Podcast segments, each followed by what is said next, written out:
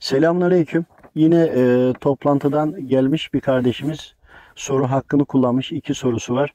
Bahanur Gökdemir yayınlanabilir demiş. Özelden atmayacağız. Buradan yayınlıyoruz. İki tane sorusu var.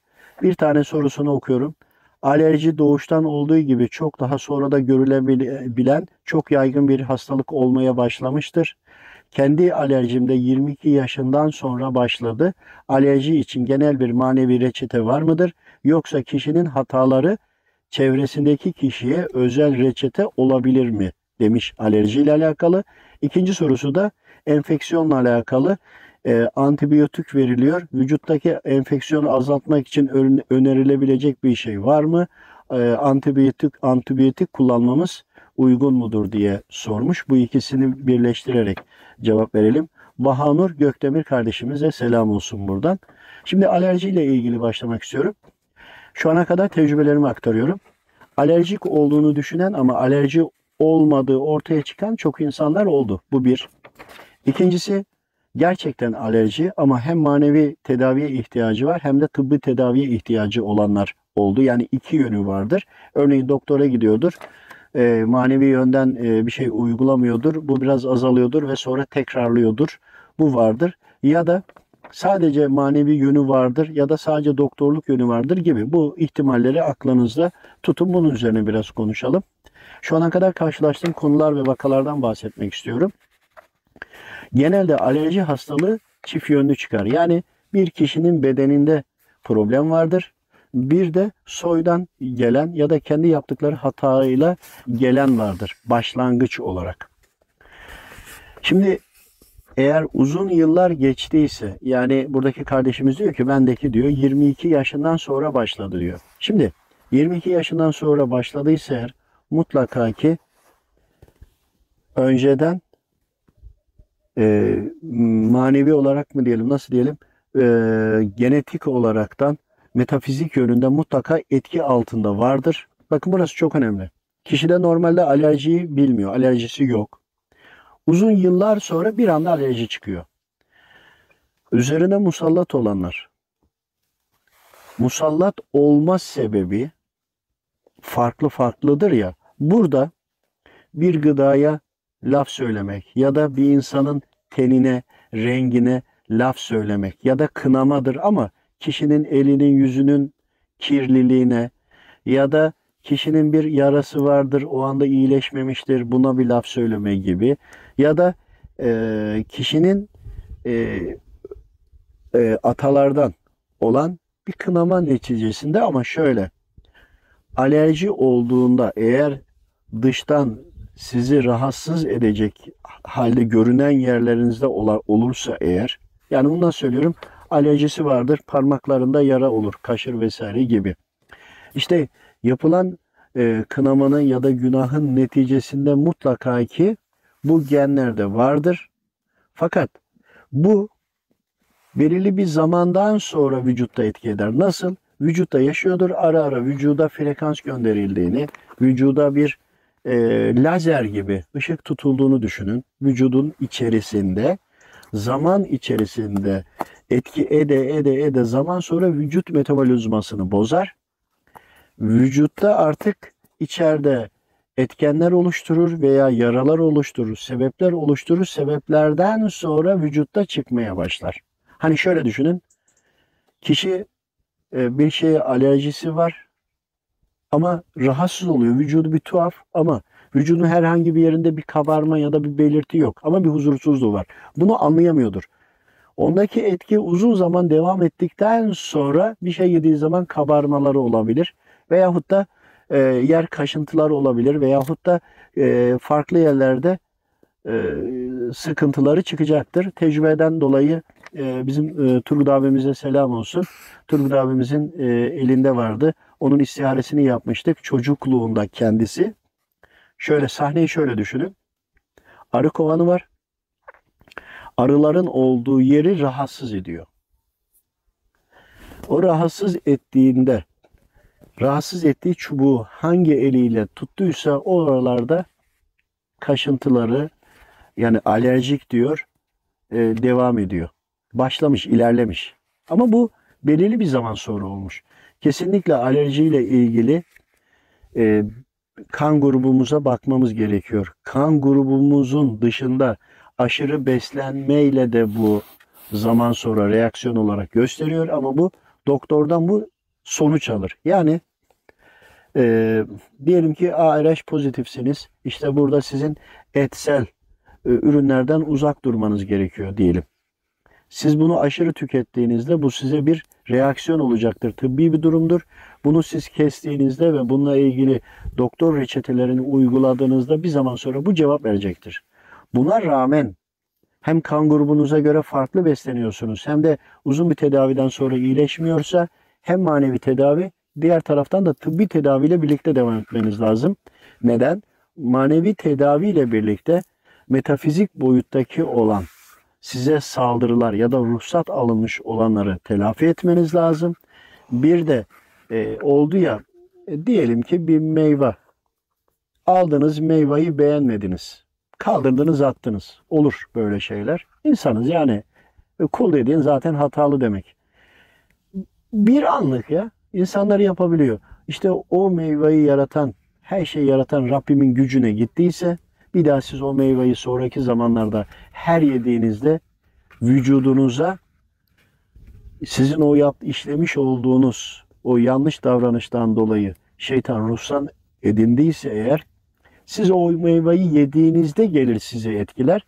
Meyvanın etkisi vücuttan atıldığında bağırsak sistemiyle tamamen vücuttan çıktıktan sonra geri giderler. Yani ruhsatı o yediğiniz meyveyle ilişkilidir. O meyvanın sizde etkisi olduğu sürece sizde söz sahibidir. Vücut attığı zaman dışarı etkisi zaman içinde bittiyse eğer gider. Bir zaman sonra tekrar yediğinizde tekrar gelir. Metafizik olan, olan varlıklardan bahsediyorum. Bilmiyorum yeterli kadar açıklayabildim mi? Ee, bu halde hem metafizik yönünden hem de tıbbi yönünden bakmanız lazım. Eğer kan grubunuza ters bir e, yediğiniz mahsulse, ürünse eğer bunu öncelikle kan grubunuza göre beslenmeyi bir oturtmanız ama manevi tedavilere devam etmeniz. Diğer taraftan da kan grubunuza göre uyumlu ama yine vücut reaksiyon gösteriyorsa o ürünle ilgili kanama mı yaptınız, beğenme mi yaptınız ya da ben bunu yemem diye tabağımı ittiniz ya da bunu, bunu sevmiyorum gibi. Yani şöyle düşün Allahu Teala size e, gıda yaratmış. O sizin önünüze gelmiş ben bunu sevmiyorum diye tabağa itmişsiniz. Ya da umursamadı ya da yolda meyvenin üstüne bastınız geçtiniz. Her meyveye basılınca bu olmaz ama e, bazı halde de olur gibi sadece meyveye basmakla ilgili düşünmeyin bunu. Ufkunuzu açık tutun ve türetin. Çünkü kişiye göre değişir bu. Bununla birlikte soyda aynı şey yapılmış olursa bu da sirayet eder. Ama temelinde alerjiyle alakalı iki yönlü tedavi vardır. İkisinin bir arada olması gerekir. Bunların da altlarında dalları vardır demek istiyorum. Yani kendi kan grubunuza göre uygun mu? Kan grubunuza göre uygun ve yine devam ediyorsa bedeninizde belirtileri varsa artık tıbbi duruma düşmüştür. Tıbbi durumu tıpla çözmeniz lazım. Ancak e, tıpla yavaşlatırsınız ama geçmez. Hep devam ediyorsa geriye doğru soydan genetik olaraktan e, mutlaka ki bir etkiler vardır, tetikliyordur. Yani bazen yukarı çıkıyor, zirve yapıyor, bazen en aşağı iniyordur ve bitmeden devam ediyordur. Sadece tıbbi olarak olmuş olsa ki bir zaman sonra insanlar bundan kurtuluyor. Ama hep devam ettiğinde mutlaka hem dünyevi hem uhrevi olaraktan iki yönü de mutlaka incelemesi gerekiyor. Bir diğer sorusu da kardeşimin antibiyotikle ilgiliydi. Antibiyotik e, kullanmanızda bir sakınca var mı? Antibiyotiği mümkün olduğunca kullanmamak lazım ama çok kritik durumlarda da mutlaka ki kullanmak gerekiyor. Yani önce tıp, doktorlar onu kullanmanız gerekiyor. Fakat antibiyotiğin yerine geçecek e, bitkilerden mutlaka ki kullanmamız da gerekiyor. Yalnız şöyle bir durum var. E, bazı enfeksiyon durumlarında bakıyoruz ki metafizik saldırılar olmuş vücudun içine yerleşmiş genelde akciğer boğaz bölgesine yani boğaz bölgesindeki daha çok konuşmalarla alakalı gelmiş oluyor.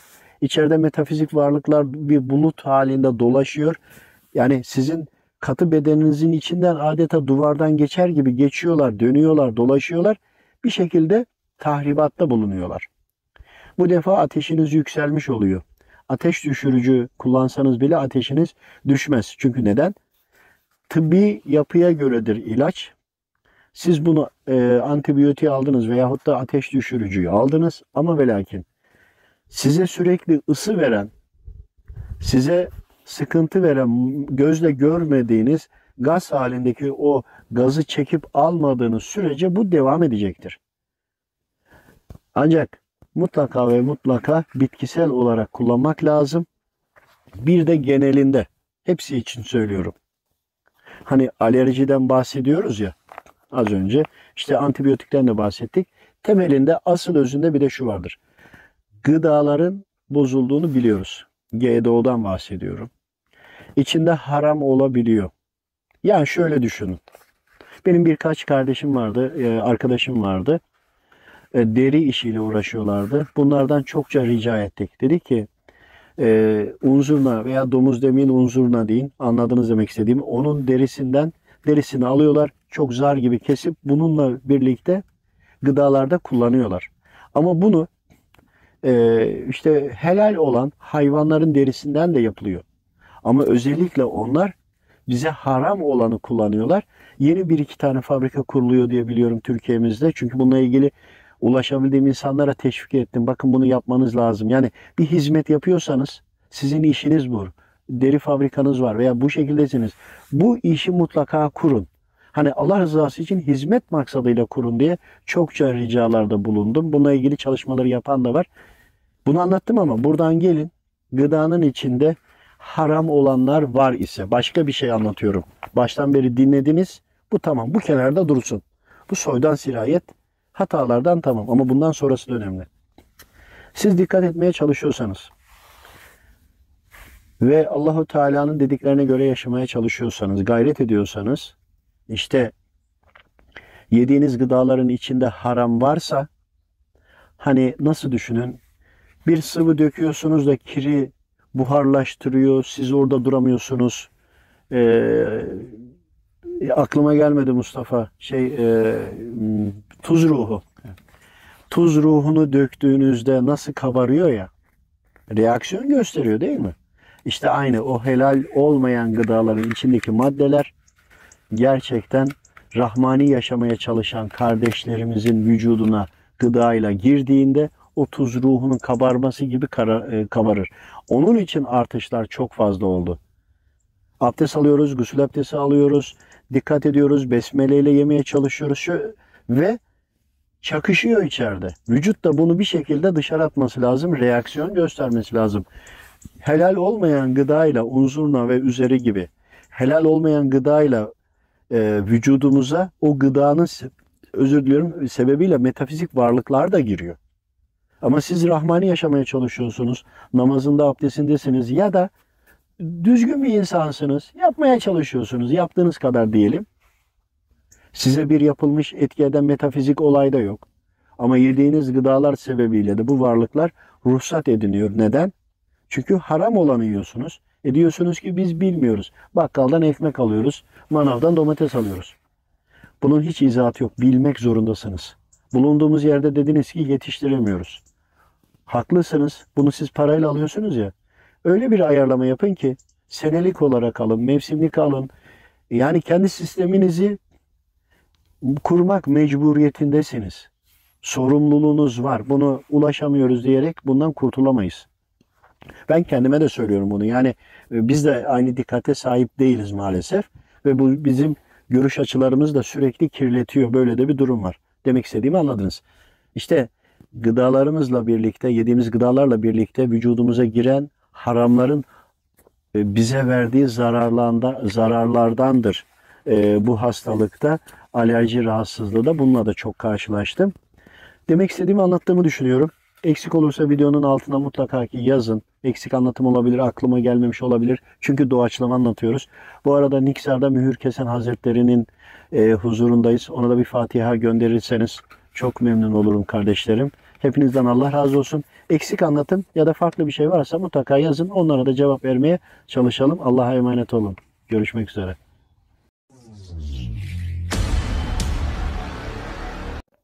Selamünaleyküm. Yine soru ve cevaplarla devam ediyoruz. Bir toplantı yapmıştık, bir araya gelmiştik. Oraya gelen kardeşlerimizin soru hakları vardı. Söz vermiştik sorularınızı cevaplayacağız diye.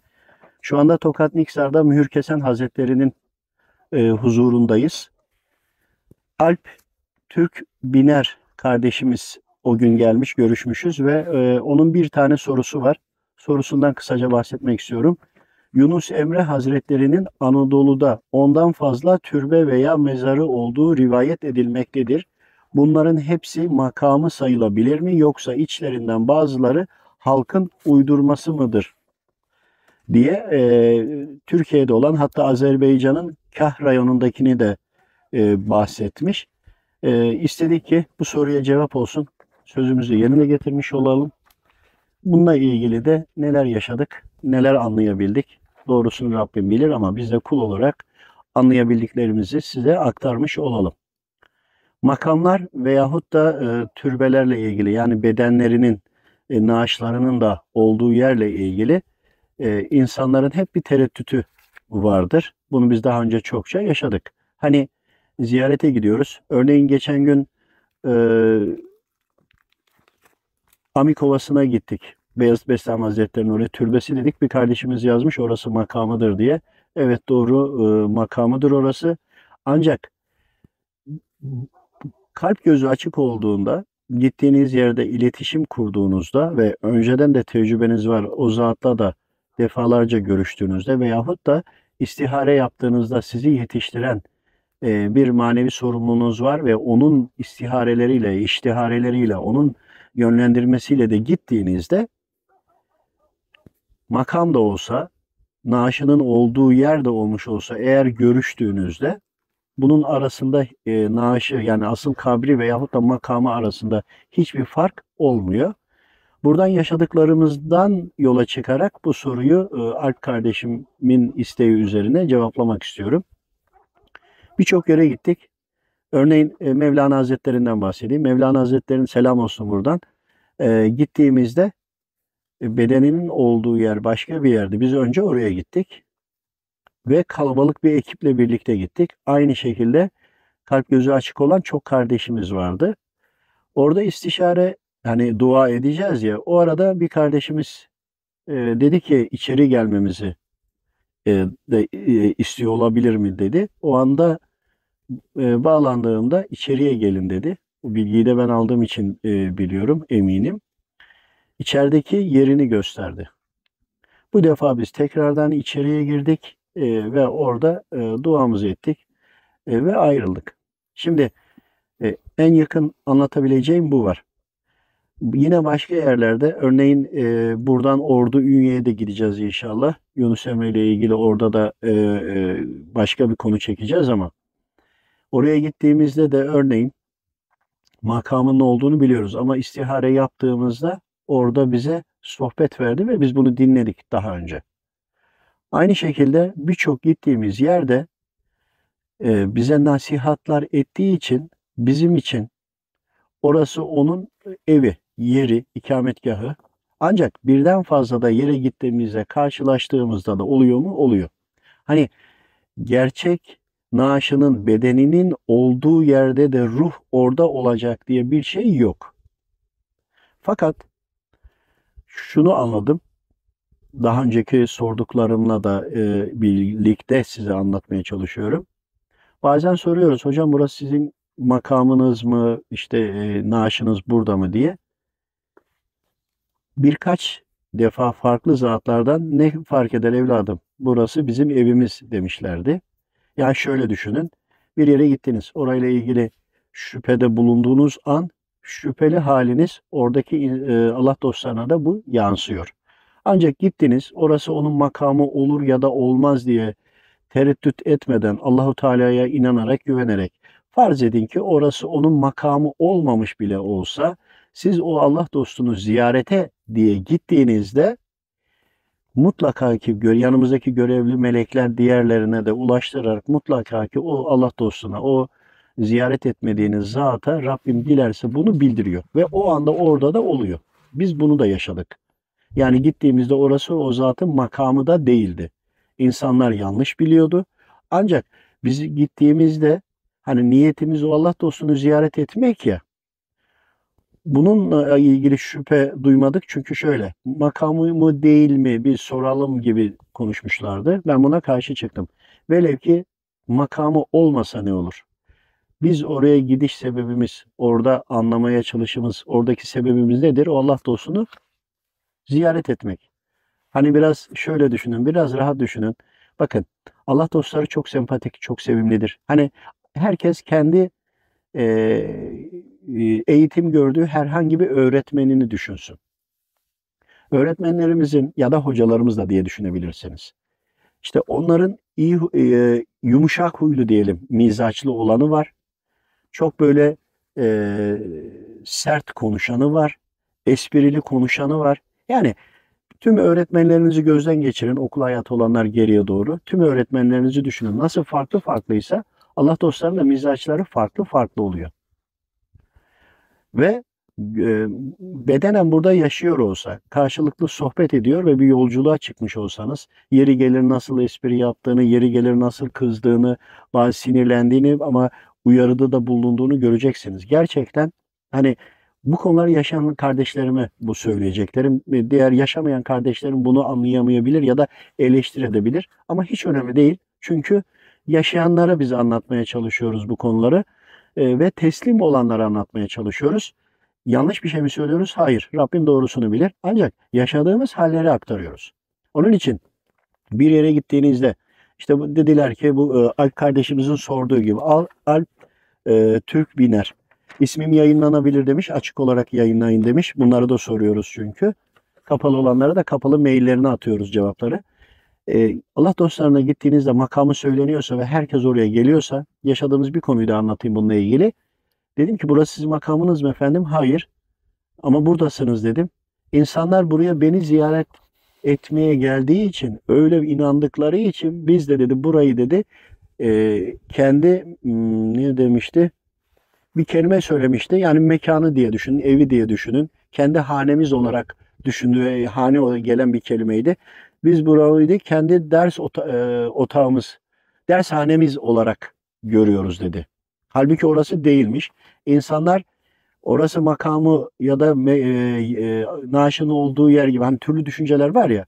Kişiler kayıtsız şartsız gelip Allah dostunu orada ziyaret etmeye geldiği için o mübarek de sonradan orayı e, kendi hanesi olarak kabul etmiş ve oraya gelir e, e, gelenleri karşılıyor. Yani sonradan makam edilmiş. Aslında makamı değilmiş. Ama insanlar geldiği için orada ağırlamış. Lafı uzatmayacağım. E, makamı mıdır ya da değil midir diye şüpheye düşmeyin. Şöyle düşünün. Yeryüzü bize mescit kılındı ya Rabbim tarafından. Haliyle yeryüzünün her yerinde mescit olabilir. Her yerinde dershanemiz olabilir. Her yeri bizim görüşmemize uygun yer olur. Tabii ki demek istediğim temih nezih yerlerden kastediyorum. Bu olabilir. Bununla ilgili şüpheye düşmeyin ve şu ana kadar makamıdır diye gittiğimizde bazen araya bir gireyim.